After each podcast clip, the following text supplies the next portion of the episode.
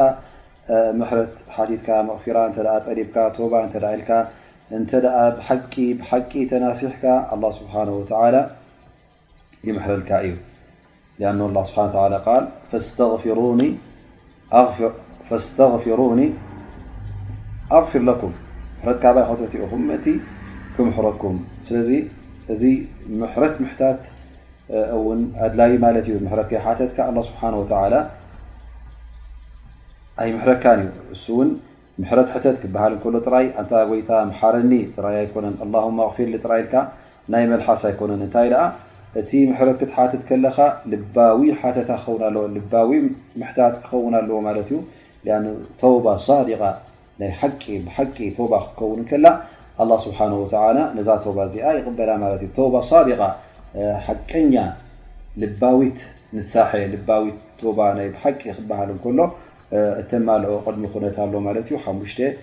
ዝኸውን ቅድሚ ኩነት ኣሎ ክማላእ ኣለዎ ማለት እዩ። እሱ ከዓ እቲ ቀዳማይ ሸርጢ ወይ ከዓ ቀዳማይ ቅድሚ ኩነት ቶባ ክትብል እንከለኻ ነፂህካ ንኣላህ ስብሓን ወተዓላ ኢኽላስ ዘለዎ ጌርካ ናብ ኣላህ ስብሓን ወተዓላ ክትቀርብ ኣለካ ማለት እዩ። ምኽንያቱ ቶባ ክትብል ከለኻ ወይ ከዓ ኣነስ እዚ ዘንቢ እዚ ቶባ ኢለ እየ ገዲፈ እየ ኢልካ ክትብል ከለኻ ንሊላህ ክኸውን ኣለዎ ጎይታ ኣላ ስብሓን ወተዓላ ምእንቲ ክረድየልካ ጎይታ ኣላ ስብሓን ወተዓላ ምእንቲ ክፈትወልካ ሰብ ክሰምዓልካ ዘይኮነ ሰብ ክርእልካ ዘይኮነ እባ እከለኮ ከምዚ ነይሩ ሰኽራም ነይሩ ተባይሉ ንኽበሃል ዘይኮነ እንታይ ደኣ ንስኻ ካብቲ ዝነበርካዮ ዓዘቕቲ ናይ ዘንቢ ወጺእካ ምእንቲ ኣላህ ኢልካ ቶባ ክትከብል ለኣኑ ኢኽላስ ክበሃል እንከሎ እቲ ንጽህና ልብኻ ምንጻህ ክበሃል ከሎ ጠብዓን ኣብ ቶባ ጥራይ ኣይኮነን ዘድሊ ከምቲ ንሕና ኩላህና ንፈልጦ ኣብ ኩሉ ተግባራት ዒባዳ እትገብሮ ኣጅሪ ንኸትረኽበሉ ኢልካ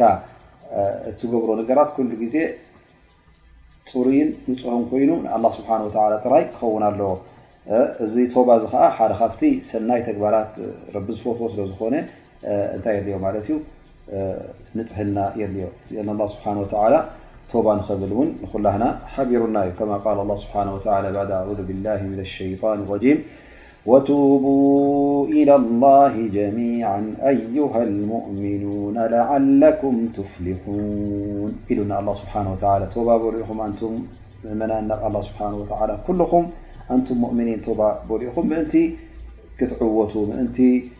ነቲ ትደልይዎ ነገር ንኽትረኽቡ ካብቲ እትፈርህዎ ነገር ነበርኩም እውን ናፃ ንኽትወፁ ኢሉናዩ ኣላህ ስብሓነሁ ወተዓላ። ስለዚ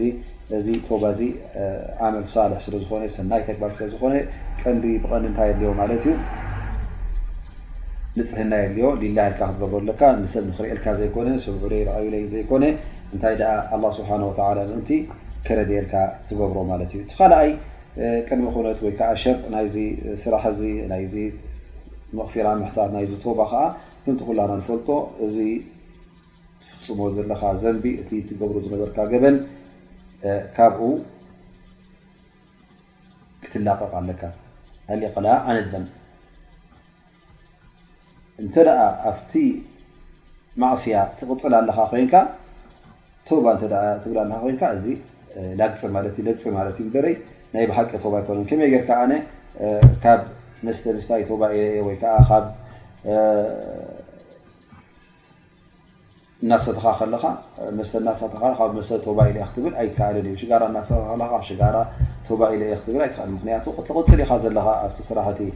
እናሓሰኻ ከለኻ ኩሉ ግዜ ካብ ሓሶት ቶባ ኢለ እየ ክትብል እዚ እውን ዘይከውን እዩ። ስለዚ ኢስራር እናገበርካ ነቲ ዘንቢ እናፈፀምካዮ ከለኻ ቶባ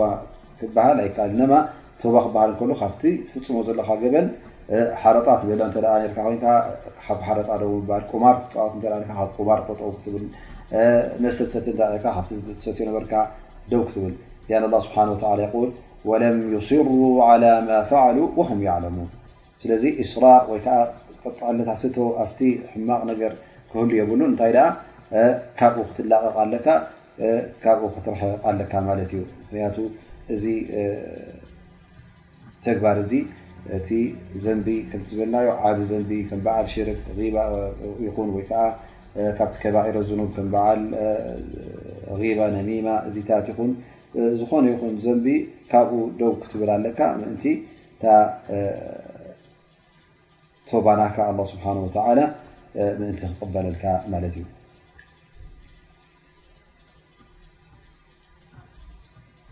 ከምኡ ክንብል እንከለና ድማ ምናልባሽ እቲ ትፍፅሞ ዘለኻ ገበን ዝተፈለየ እተ ኮይኑ ማለት ሓደ ሰብ ብዙሕ ዘንብታት ዝገብር ህልኹ ማለት በቲ መስተይ ሰቲ በቲ ምንዝርና በቲ ሽጋራ በቲ ቁማር በቲ ብዙሕ ዓይነት ዘንብታት ኣለዉ ኾኑ እንተ ካብ ሓደ ዓይነት ዘንቢ ቶባ ኢሉ እሞ ከኣ ኣቋሪጽዎ ግን ኣብቲ ካልእ ገበናት ይቅጽል እንተ ኣሎ ኮይኑ ሃል ቶባ ናቱ ቅቡል ድዩ ቅቡል ኣይኮነን እንተ ክንብል ኮይና ንኣብነት ሕጂ ሓደ ሰብ ቁማር ዝጻወት በቲ እውን መስተሰቲ ነይሩ ሕጂ ካብዛ ቁማር እዚኣ ቶባ ኢለ ኢሉ እንተ ኣቋሪጽዋ ግን መስተ ምስታይ እንተ ዘየቋረጸ ሃል ቶባ ናቱ ቅቡል ድዩ ቅቡል ኣይኮነን እዚኤን ሕጂ ክልተ ዓይነት በበይነን ስለ ዝኾና እቲ ዘንቢ ናተን ወይ ከዓ እቲ ገበነን ካብታ ቶባ ዝበላ እንተ ብሓቂ ቶባ ኢሉ ኮይኑ ገዲፍዋ እንተ ኮይኑ ኣላ ስብሓን ወተዓላ ናይታ ቁማር ንኣብነት ሕጂ እሳ ቶባ ዝበላ እንተ ተላቂቁ ካብኣ እንተ ዘይቀፀለ እሞ ኢክላስ ገይሩ እንተ ቀሪብዋ ኩሉ ቅድሚ ኩኑ እንተ ኣማሊኡላ እታ ቶባ ናቱ ቅብልቲ ትኸውን ማለት እዩ። ኣብቲ ካልእ ዓይነት ዘንቢ ናይ መስተ ምስታይ ኮይኑ ናይ ዝሙት ኮይኑ ናይ ካልእ ስራሕ እንተ ዝሰርሐሉ ኮይኑ እቲ እውን ካልእ ቶባ የድልየሎ ማለት እዩ። ወይ እንተ ካብ ኩሉ እቲ ዘንብታት እውን ቶባ ኢሉ ክቋርፅ እተ ኮይኑ ብሓንቲ ቶባ እውን ክቋርፅ ይኽእል ማለት እዩ። ከምኡ ውን ቶባ ክብል እንከሎ ካብቲ ዘንቢ ክቋርፅ እንከሎ እንተ እዚ ዘንቢ እዚ ከም ዓመፅ ገበን ወይ ከዓ ኣብ ልዕሊ ሰባት ዝፈፀሞ ገበን እተ ኮይኑ ማለት መሰሎም ገፊፍዎም፣ ገንዘቦም ኣሕዲግዎም፣ ሰሪቕዎም፣ ኣጠቢሩ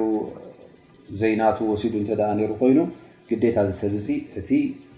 ዝወሰዶ ማል ይኹን ካልእ መሬት ይኹን ካልእ ዓይነት ንብረት ይኹን ናብ ሰቡ ክመልሶ ኣለዎ ማለት እዩ እንተ ዘይረኸቦ ነዊሕ ግዜ ኮይኑ ማለት እቲ ሰብ እንተደኣ ሞይቱ ኮይኑ ናብቶም ወረስቱ እውን ክመልሶ ይግባእ ማለት እዩ። እንተደኣ እዞም ወረስቱ እዚኦም ከኣ ዘይፈልጦም ኮይኑ ሓደ ሓደ ግዜ ኣብ ሓደ ዓዲ ትቕመጥ እሞ ዘይናትካ ካብ ሓደ ሰብ ቀሺሽካ ኮይኑ ብገለ ዘይሕጋዊ መንገዲ ዘይሸሪዓዊ መንገዲ ጌርካ ገንዘብ እንተደኣ ወሲድካሉ ኔርካ ኮይንካ ነዚ ሰብ እዚ ቶባ ምስ እንተደኣ ክትብል ኮይንካ ቶባኻ ክቕበል እንተደኣ ኮይኑ ክትመልሰሉ ኣለካ። ሓደ ሓደ ግዜ እንተ እቲ ዝነበርካዮ ዓዲ ገዲፍካዮ ክትከውን ትኽእል ኢኻ። ኣብ ዓዲ ትነብር ኔርካ ካብኡ ናብ ካልእ ዓዲ ከድካ ሕጂ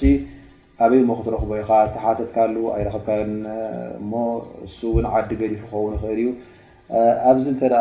ከምዚ ኩነታት እተ በፂሑ ክትረኽቦ እንተ ዘይከኣልካ እንታይ ትገብር ማለት እዩ እቲ ማል ሰደቃ ተውፅኦ ሊላሂ ኢልካ ተውፅኦ ማለት እዩ። ብንያ ኣጅሪ እቲ ዋና ክኸውን ነቲ በዓል ገንዘብ ንብቐንዱ ንንዕኡ ንክኸውን ብንያ ተውፅኦ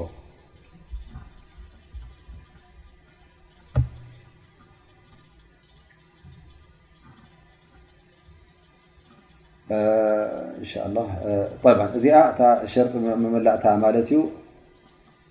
ጠብዓ ጥራይ ገንዘብ ውን ኣይኮነ እተ ሓሓደ ግዜ ውን ሪባ ነሚማ እተ ሓሚኻዮ ነርካ ኮንካ እዚ እውን ሕጂ ካብኡ ዓፉ ክትብል ኣለካ ኣነ ከምዝን ከምዝን ሕማቕ ብሕማቕ ዘረባ ጠቒሰካ ነይሮ ሞኒ ኣይትሓዘለይ ኢልካ ክትዛረቡ ኣለካ ካብኡ ምሕረት ክትሓትት ኣለካ ምእንቲ እሱ ንክምሕረካ ኣ ዝገበርካዮ ገበን መሰል ናይ ሰብ ስለ ዝኾነ እቲ መሰል ናይ ሰብ ድማ ገና ኣብ ኣዱንያ ከለኻ ዓፉ ክትሓትት ኣለካ ማለት እዩ። እቲ ዓፉ ዝሓተትካዮ ኣስላማይ ድማ ሓውኻ ክምሕረካ ይግበኦ ማለት እዩ። ሊኣኑ ሃዛ ሚነል ኢሕሳን በል ዑለማእ እብሉኻ። እንተ እዚ ሰብ እዚ ሓሚኻዮ ወይ ከኣ ጸሪፍካዮ ኔርካ ኮንካ እሞ ኣነስ ኣይሳማሓካን እየ እንተ ኢሉካ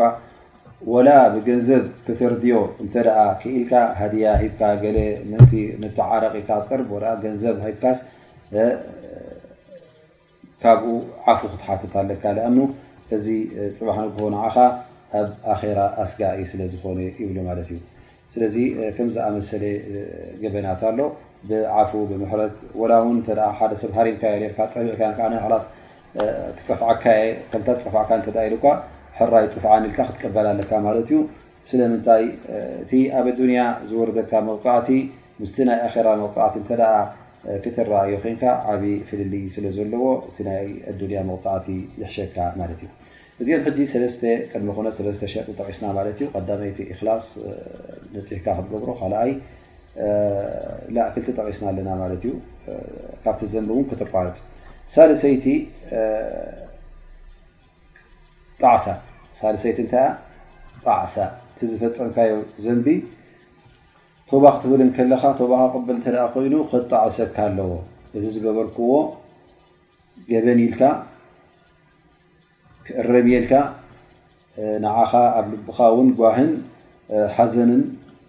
ጣዕሳን ክስምዓካ ኣለዎ ማለት እዩ ምክንያቱ እንተ ከምዚ ዓይነት እዚ ስምዒት ዘይብልካ ኮይንካ ገበን ከምዘይገበርካ ኢኻ ትንቀሳቀስ ዘለካ ማለት እዩ ስለዚ ናይ ብሓቂ ካብቲ ዝንቢ ክትላቐቕ እንተ ኮይንካ መጀመርያ እንታይ ኣሎ እቲ ጣዕሳ ኣብ ልብኻ ክወርደካ ኣሎ ማለት እዩ ስለዚ እቲ ዝገበርካዮ ገበን ከም ምኳኑ ስለዝተረዳእካ ብጣዕሚ ብጣዕሚ ጣዕ ኢልካ ክትጣዓስ ከለኻ እዚ ሕጂ ኣድላይ ይኸውን ሓደ ካብቲ ቅድሚ ኩነት ናይ ቶባ ይኸውን እዚአን ሰለስተ እየን ራብዐይቲ ምስታ ጣዕሳ ተኣሳሰረት እውን እንታይ እዩ እንተ ተጣዒስካ ኩሉ ግዜ እዚ ነገር እዚ ብኻ ዘይገበርኩዎ ኢልካ እንተ ትጣዓስ ኣለኻ ኮይንካ እንታይ እዩ ዘረድእ ማለት እዩ እባ እሞ ንድሕሪ ሕጂስ ንኸይትገብሮ ማለት ቅድሚ ሕጂ እኳ ዘጣዓሰካ እሞ ንድሕሪ ሕጂ ፈፂመ ኣይገብሮ ኢልካ እውን ክትህቅን ኣለካ ማለት እዩ መፃኢ ሙስተቅበል ታዕዚም ዓላ ኣላ ተዑድ ኢላ ዛሊከ ደም ኣብቲ ትፍፅሞ ዝነበርካ ገበንን ትፍፅሞ ዝነበርካ ጌጋን ናብኡ ንኸይትምለስ እንታይ ትገብር ማለት እዩ ትህቅን ማለት እዩ እዚ ምህቃን እዚ እውን ነቲ ጣዕሳናካ ዝያዳ የረጋግፅ ማለት እዩ እሞ ከምኡ ጌርካ ሃቂንካ ገዲፍካዮ ኣነስ ኣይምለሳን ኢልካ ነይትካ እንተ ቶባ ጌርካ ቶባኻ ኣልሓምዱላ ሕጂ ትማላእ ኣላ ፅብቕቲ ምልእቲ ትኸውነልካ ኣላ ማለት እዩ ግን እንተ ከምዚ ተጣዒስካ ጌርካ ኮይንካ ላኪን ብዘይተሓሰበ ብዘይሓሰብካዮ እንተ ኣብታ ዘንቢ ከም እንደገና ተመሊስካ ከም ብሓድሽ ቶባ የድልየካ ማለት እዩ እታ ቀዳመይቲ ቶባ ናይቲ ዝሓለፈ ሰሪዛትልካ ኣላ ማለት እዩ ቶባ ናህካ እውን ተበላሽ ማለት ኣይኮነን ግን ሓድሽ ቶባ ነዚ ካልኣይ ዝገርከ ምክንያቱ እዛ ቀዳመይቲ ቶባ እውን ምልእቲኣ ነራ ማለት እዩ ምክንያቱ ንከይትምለስ ሓሲብካ ኢካ ነርካ ሃቂንካ ኢካ ነርካ ላኪን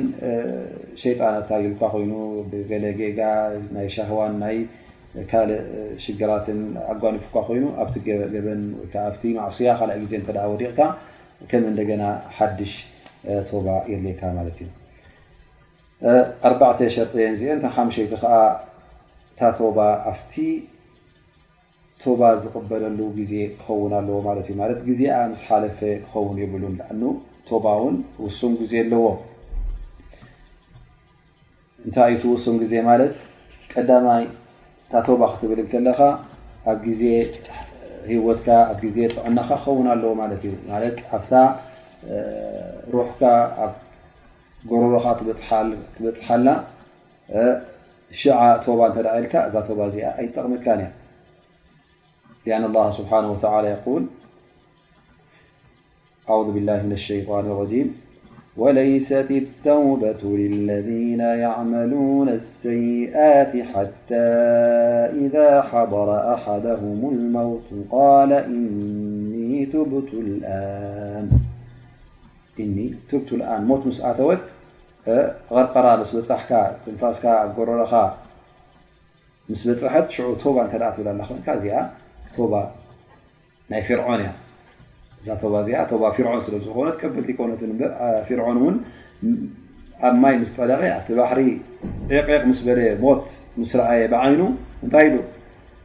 ኣመንቱ ኣነሁ ላኢላሃ ኢላ ለዚ ኣመነት ብሂ በኑ እስራኢል ወኣነ ምነ ልሙስልሚን ኣነ በቲ በኒ እስራኤል ዝኣምንሉ ጌታ ብኡ ኣሚነ እየ ኣነ ውን ካብቶም ንጌታ ንኣላ ኢዶም ዝሃቡ ዘስተስለሙ ኣስላማይ እየ ኢሉ ማለት እዩ ላኪን ኣላ ስብሓን ወተላ እንታይ ኢሉ መሊስሉ ኣልኣነ ወቀድ ዓሰይተ ቀብሉ ወኩንተ ምነ ልሙፍሲዲን ሕጂ ግዜ ምስ ሓለፈ ሞት ምስ ረኣኻዮ ብዓይንኻ ኢሉ ኣላ ስብሓን ወተላ ይምልሰሉ ማለት እዩ ስለዚ ኣብ ግዜ ሞት ኣብ ሰዓት ናይ ሞት ኣብታ ትንፋስካ ትቀራቀረላ እዋን ሸዓ እተ ቶባ ክትብል ኮይንካ ግዜ ቶባ ኣይኮነን ቶባኻ ውን ቅቡል ኣይኮነን ስለዚ ወዲ ሰብ ክቀላጠፍ ኣለዎ እታ ዘንቢ እተ ሎም መዓልቲ ጌርካያ ሸዓ ንሸዓን ቶባ ክትብል ኣለካ መቕፊራ ክትሓት ኣለካ ሞት ድማ መዓስ ከም ትመፅእ ኩላና ኣይንፈልጣን ኢና ኣበይነይቲ ሰዓት ኣበይነይቲ መዓልቲ ለይቲ ድዩ ቀትሪ ከም ትመፀና ኣይንፈልጥን ኢና ጥዕና ኣብጥዕናና ከለና ምሉእ ዘይጉዱል ጥዕና ከሎ እንከሎና በዚ ዘይተባሃለ መፅኡ ሞት ክወስደና ስለ ዝኽእል ስለዚ ክንጥቀቃ ኣለና ማለት እዩ ሰዓት ናይ ሞት ኣይንፈልጣን ኢና እሞ ኩሉ ግዜ ተጋይድና ክንፀንሕ ኣለና ማለት እዩ እዚ እቲ ቀዳማይ ግዜኣ ማለት እዩ ክሕሎ ኣለዎ። እቲ ካልኣይ ግዜ ድማ እንታይ እዩ እንተ ጸሓይ ብምዕራብ ወጺኣ መዓስ እዩ ዝኸውን ኣክረት ዘማን ገና ኣብቲ መጨረሻ ዓለም ክኸውን እንከሎ እዛ መሬት እዚኣ እቲ ኩነታት ናይዛ ዓለም እዚ ክገላበጥ እዩ ንገዛእ ርእሳ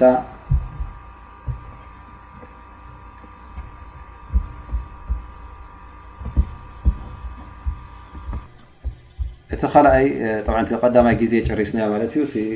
ቐቅድሚ ሞትካ ክኸውን የብሉን ወይ ከዓ እታ ሩሕ ትቕርቀረላ ኢልና ማለት እዩ እቲ ካልኣይ ግዜ ድማ ፀሓይ ብምዕራባ እትወፀሉ እዋን ክኸውን የብሉን ምክንያቱ ኣብ ኣክረ ዘባን ኣብ መጨረሻ ዓለም እቲ ዮም ኣልቅያማ ክቀራረብ ከሎ ካብቲ ምልክታቱ እንታይ እዩ ፀሓይ ኣብ ክንዲ ብምብራቕ እትወፅእ ብምዕራብ ትወፅእ ማለት እዩ እንተ ከምኡ ኮይኑ ኣብዚ ሰዓት እዚ እቲ ዝዓበየ ምልክትን ተኣምርን ናይ ዮም ኣልቅያማ ዝረኣየሉ እዋን ስለ ዝኾነ ኣብዚ ሰዓት እዚ እንተ ሓደ ሰብ ቶባ ኢሉ ቶባኡ ውን ቅቡል ኣይኮነን ሽዑ ምክንያቱ ኩሉ ሰብ ክኣምን እዩ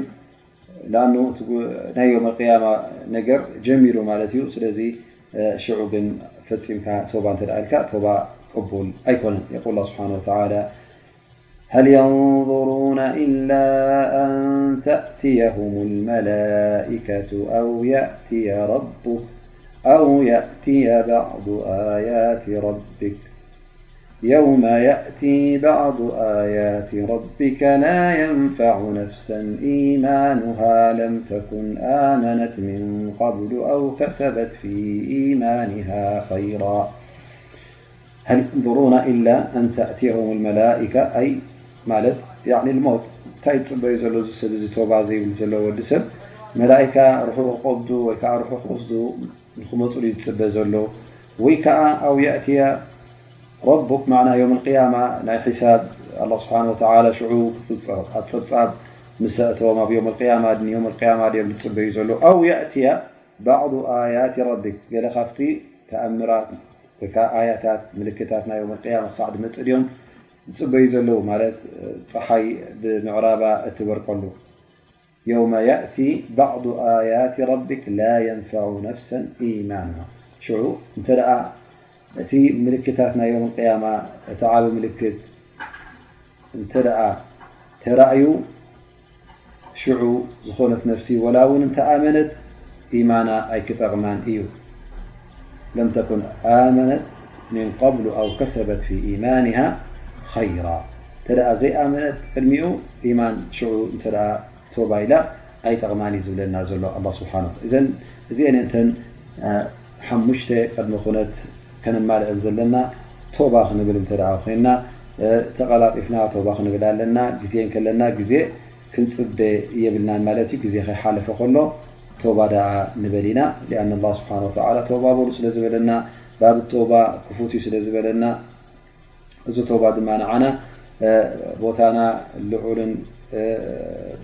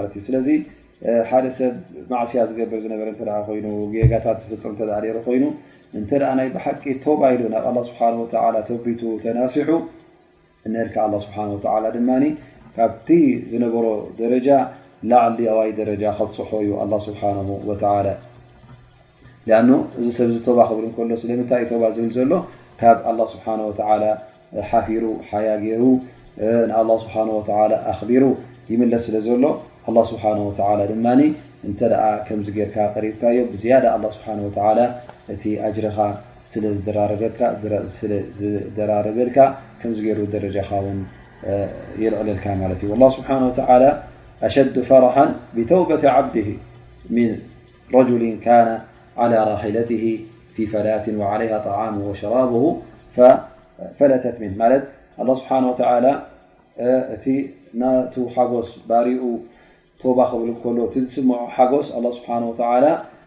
ክሕብረና ከሎ ኢሉና ካብ ሓደ ሰብ ኣብ መገሻ ነይሩ መግቡን ብልዑን ስንቁን ኩሉ ኣብታ ሒዞዋ ዝኸይድ ሰሪርዋ ዝኸይድ ገመል ምስ እንከላ እናኸደ ከሉ መንገዲ ምስ ኣዕረፈ እዛ ገመል እዚኣ እቲ ብልዑን ስንቁን ማዩን ተሰኪማቶ ትነፍጽ እሞኒ እንታይ ይገብር ማለት እዩ ሕጂ ኣብ በረኻ ኣብ ምድረ በዳ ጥራይ ኢዱ ይተርፍ ከምዚ ኢሉ ከላስ ኣነስ ካብ ኣብዛ ቦታ እዚኣ ክመውት ኢሉ ኣብ ትሕቲ ገረብ ምስ ኣዕረፈ ጽንሕ ኢሉ እንታይ ይርኢ ማለት እዩ እታ ገመሉ ምስ መግቡን ምስ ማዩን ትምለሶ ማለት እዩ ምስ ረኣያ ሕዝ ኣቢሉ ነታ ገመሉ ብጣዕሚ ካብ ሞት ስለ ዝወፀ ውን ብጣዕሚ ስለ ተሓጎሰ እንታይ ይብል ሽዑ ኣንታ ኣልሓምዱሊላህ ኣንታ ረቢ ንስኻ ባርያይ ኣነ ጎይታኻ ኢሉ ኣኽጠኣ ምን ሽደት ልፈራህ ብሰንኪ እምብዛ ሓጎዝሲ ተጋግዩ ማለት እዩ ኣብ ክንዲ ኣንታ ረቢ ንስኻ ጎይታይ ኣነ ባርያኻ ዝብል እታ ጉዳይ ገምጢልዋ ማለት እዩ ክቱር ፈራሕ እዚ ድማ ኣላህ ስብሓን ወተዓላ ይብለና ባርያ እንተ ደኣ ቶባ ኢሉ ተመሊሱ ኣነ ታሕጓሰይሲ ካብዚ ናይዚ ሰብኣይ እዚ ንዝለዓለ እዩ እዚ ታሕጓሰ እዚ ወላ ሓንቲ ኣይኮነን ኢሉ ኣላህ ስብሓን ወተዓላ ይሕብረና ማዓ ኣላህ ስብሓን ወተዓላ ካባና ዝፅበዮ ነገር የለን ካባና ዝረኽቦ ረብሓ እውን የለን ግን ንባሮቱ ይርህርሃሎም ስለ ዝኾነ ቶባ እንተ ደኣ ኢሎም ናብ ረቦም ናብኡ እንተ ተመሊሶም ብጣዕሚ እዩ ዝሕጎስ ማለት እዩ ስለዚ እዚ እዩ እቲ ኣላ ስብሓን ወተላ ቶባ ክንብል ዝኣዘዘና ቶባና ውን ዝፈተዎ ማለት እዩ ብድሕሪኡ ኣላ ስብሓን ወተላ ይብል ኣብዚ ሓዲስ እዚ ኣብዚ ሎ መዓልቲ ሕዝናዮ ዘለና ሓዲ ያ ዕባዲ እነኩም ለን ተብልغ ነፍዒ ፈተንፈዑኒ ወለን ተብሉጉ ضሪ ፈተضሩኒ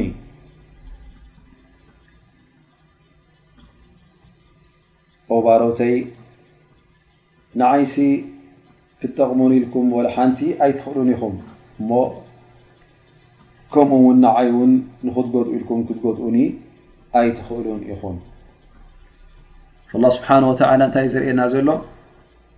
ሃብታም ከም ምዃኑ ካብ ባሮቱ ውን ወላ ሓንቲ ከም ዘይጽበ ጽበዮ ነገር ውን የለን ሰናይ ተገበርና ጣዓ ተገበርና ረቢ ዝፈትዎ ነገ ስራሕ እንተ ሰራሕና ንጎይታ ጠቒምናዮ ማለት ኣይኮነን ማዕስያ እንተ ገበርና ገበን ተፈጸምና ጌጋ እንተ ገበርና ውን ንኣላ ስብሓን ወተዓላ እንንክየሉ የለን ወላ ስብሓን ወተዓላ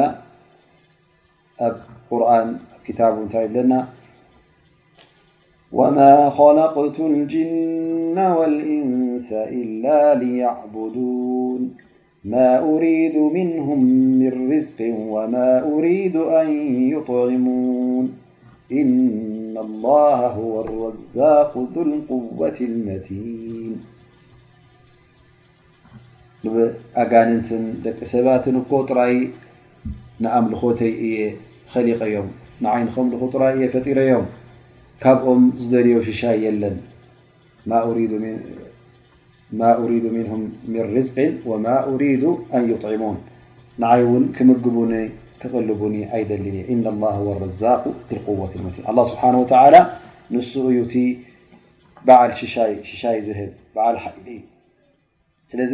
ንጎይታ ትጠቕሞ ነገር ወይ ከዓ ንክጠቕሞ ኢልካ ኣይትሕሰብ ንክጎድኦ ኢልካ ውን ክትሓስብ የብልካን ኣላ ስብሓን ወተዓላ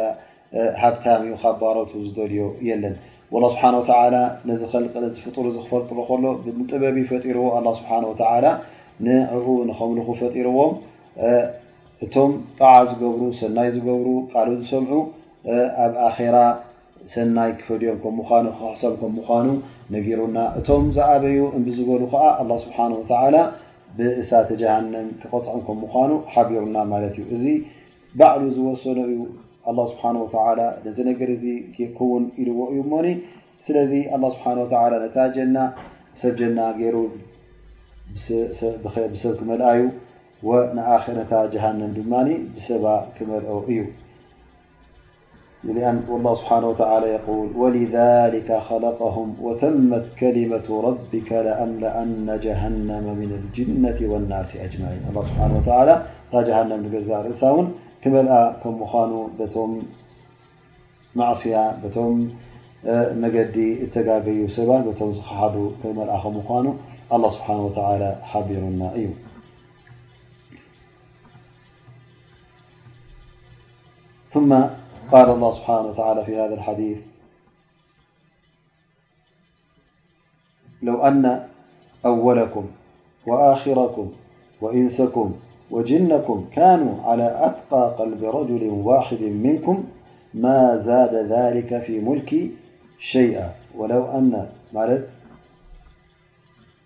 እቶም ቀዳሞት እቶም መጀመርያ ዝኸለቖም ኣላ ስብሓን ወተላ ካብኦም ጀሚርካ ክሳዕ መጨረሽተኦም ኣጋንንቶም ይኹኑ ደቂ ሰባቶም ኩሎም ከም ሓደ ብጣዕሚ ብጣዕሚ ዝበለፀ ፈራህ ጎይታ እንተ ደኣ ኮይኖም ንዓይ ንንግስነተይ ምንም ኣይውስኹለይን እዮም ማለት ኩላህና ኩላህና ፍጡራት እንተ ነፂህና ንጉይታ ነምልኽ እንተ ኮይና ኣላ ስብሓን ወተላ ወላ ሓንቲ ኣብቲ ንግስነቱ ኣብቲ ብልኩ ኣይንውስኮን ኢና ከምኡ ውን ኣብዚ ሓዲስ እዚ ይብል ኣ ስብሓ ያ ዕባዲ ለው ኣና ኣወለኩም ወኣኪረኩም ወእንሰኩም ወጅነኩም ካኑ ላ ኣፍጀሪ ቐልቢ ረጁሊን ዋሒዲን ሚንኩም ማ ነቐሰ ዛሊከ ፊ ሙልኪ ሸይኣ በንጻሩ ድማ እቶም ቀዳሞት መጀመርያ ዝኸለቖም ኣላ ስብሓን ወተዓላ ጀሚርካ ካብኦም ጀሚርካ ክሳዕ እቶም ኣብ ኣኽረ ዘማን ዘለዉ ኣኽረ ዓለም ዝመፁ ሰባት እዞም ኩሎም እሞ እዞም ኩሎም ሰባት እምቢ ኢሎም ፍጁር ማለት ንኣላህ ስብሓን ወተዓላ ነፂጎም ኣይነምልኽን ኢና ኢሎም እንተዝኣብዩ ነይሮም ከምቲ ዝበኣሰ ሰብ ኮይኖም እንተዝሰርሑ ነይሮም ወላ ሓንቲ እውን ኣብቲ ንግስነተይ ምንም ኣይነከየን ነይሩ ኢሉ ኣላ ስብሓን ወተዓላ ይነግረና ማለት እዩ ኣጋኒንቲ ኮይኑ ደቂ ሰብ ኩሎም እዞም ንዕኡ ንኸምልኹ ዝኸለቖም ፉጃር ከሓድቲ ኣረሜናውያን ኮይኖም እንተዝኽሕዱ ነይሮም ኣላ ስብሓን ወተላ ይብለና ፍፁም ካብቲ ናተይ ንግስነት ካብቲ ናተይ ልዕልነትዚ ምንም ኣይምለከየን ነይሩ ይብለና ማለት እዩ ላ ስብሓን ወተላ እንታይ እዩ ዝያዳ ክርእየና ዘሎ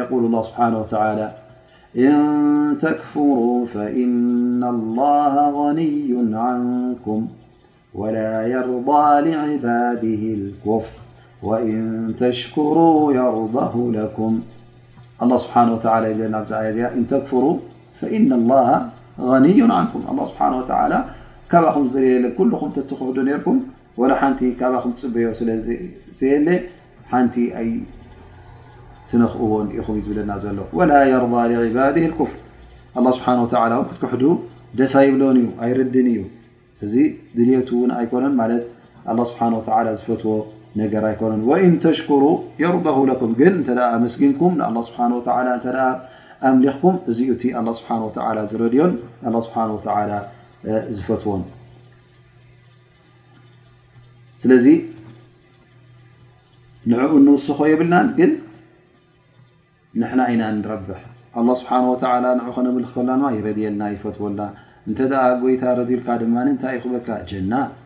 ረድየ ላሁ ዓንሁም ወረዱ ዓንሁ ኢልዎም ነቶም ሙእምኒን ማለት እዩ ነቶም ንጀና ዝኣተዉ ማለት እዩ ላህ ስብሓን ወተዓላ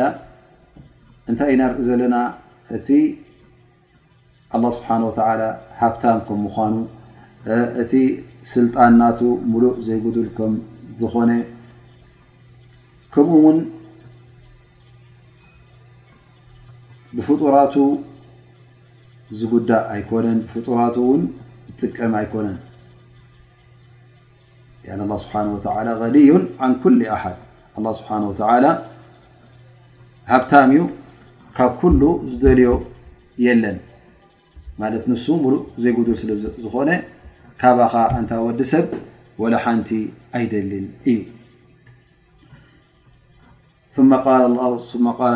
ኣዚ ሓዲ ን ጨረሻ ብ لو أن أولكم وآخركم وإنسكم وجنكم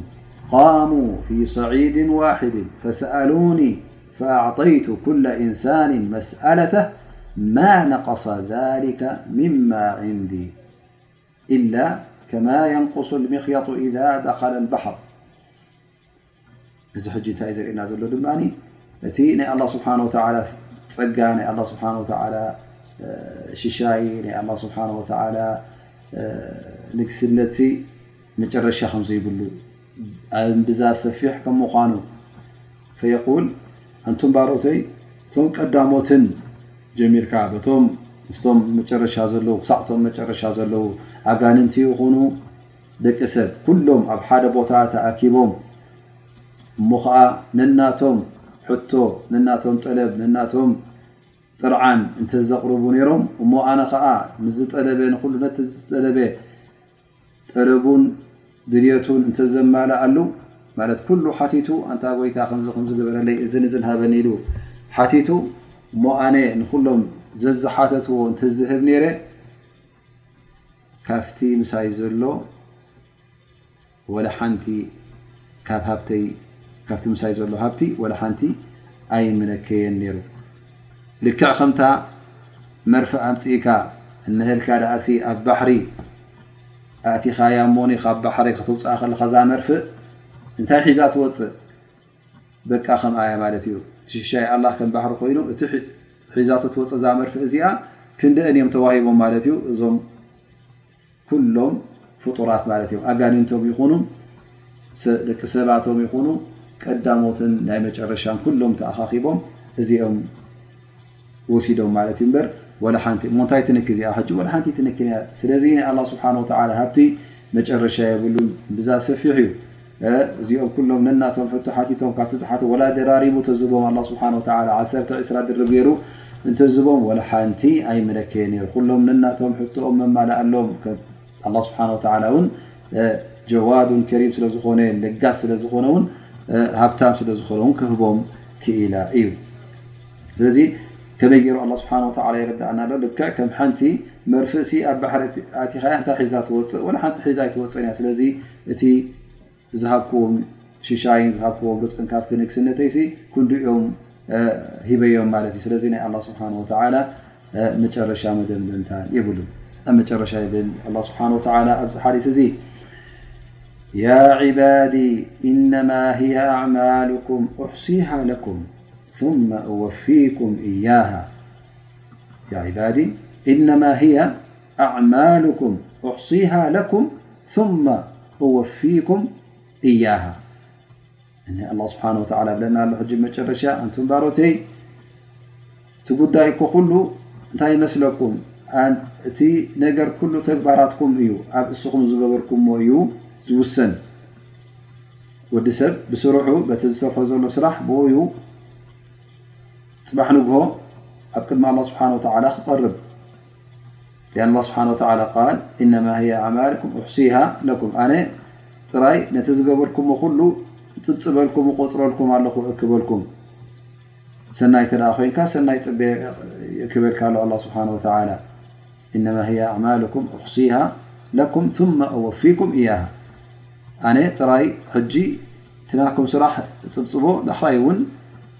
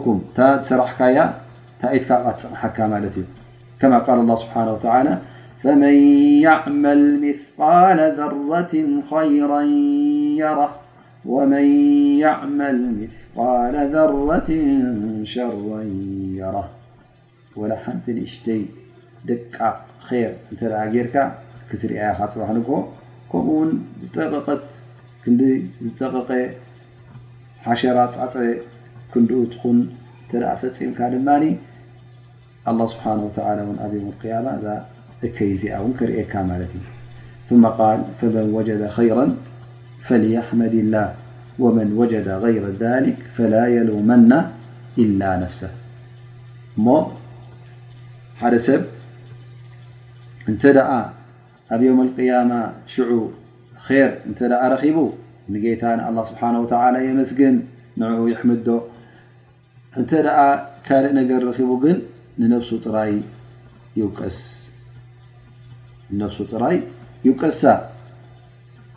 ፈላ የሉመና ኢላ ነፍሰ ንጌታ ንኣላ ስብሓ ወላ ክወቅስ የብሉን ንካልእ እውን ክወቅስ የብሉን ንመን ደኣ ነታ ነብሱ ይውቀሳ ስብሓ እታ መንገዲ ርእዎ እዩ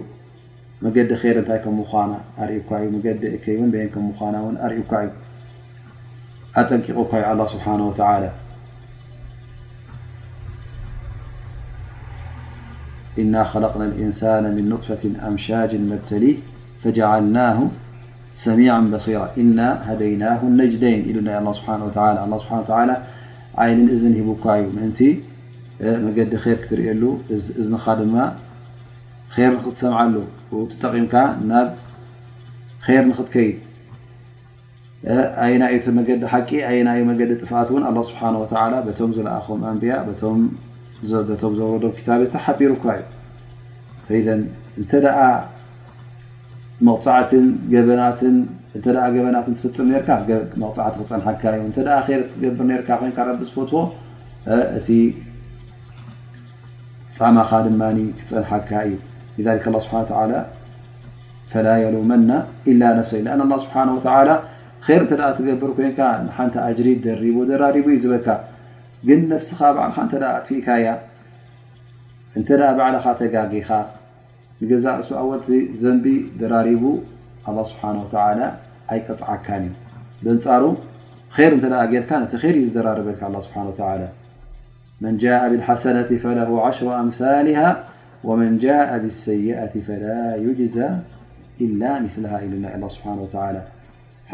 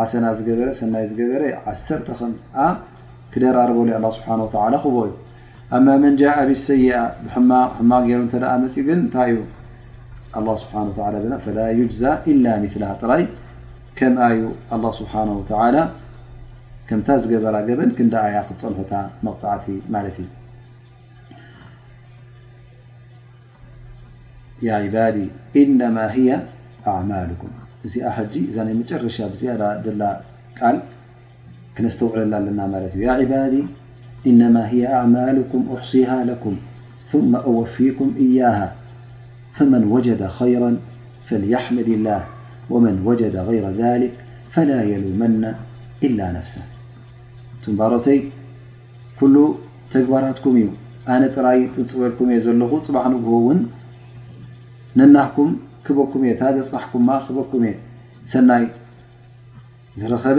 ጀና ዝኣተወ ንኣላህ ስብሓን ወተዓላ የመስግኖ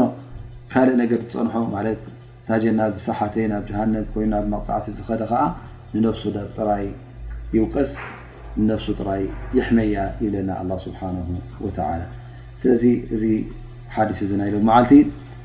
ከምዝትሪእዎ ዘለኹም በዚ ይድምደም እንሻ ላ ኩላህና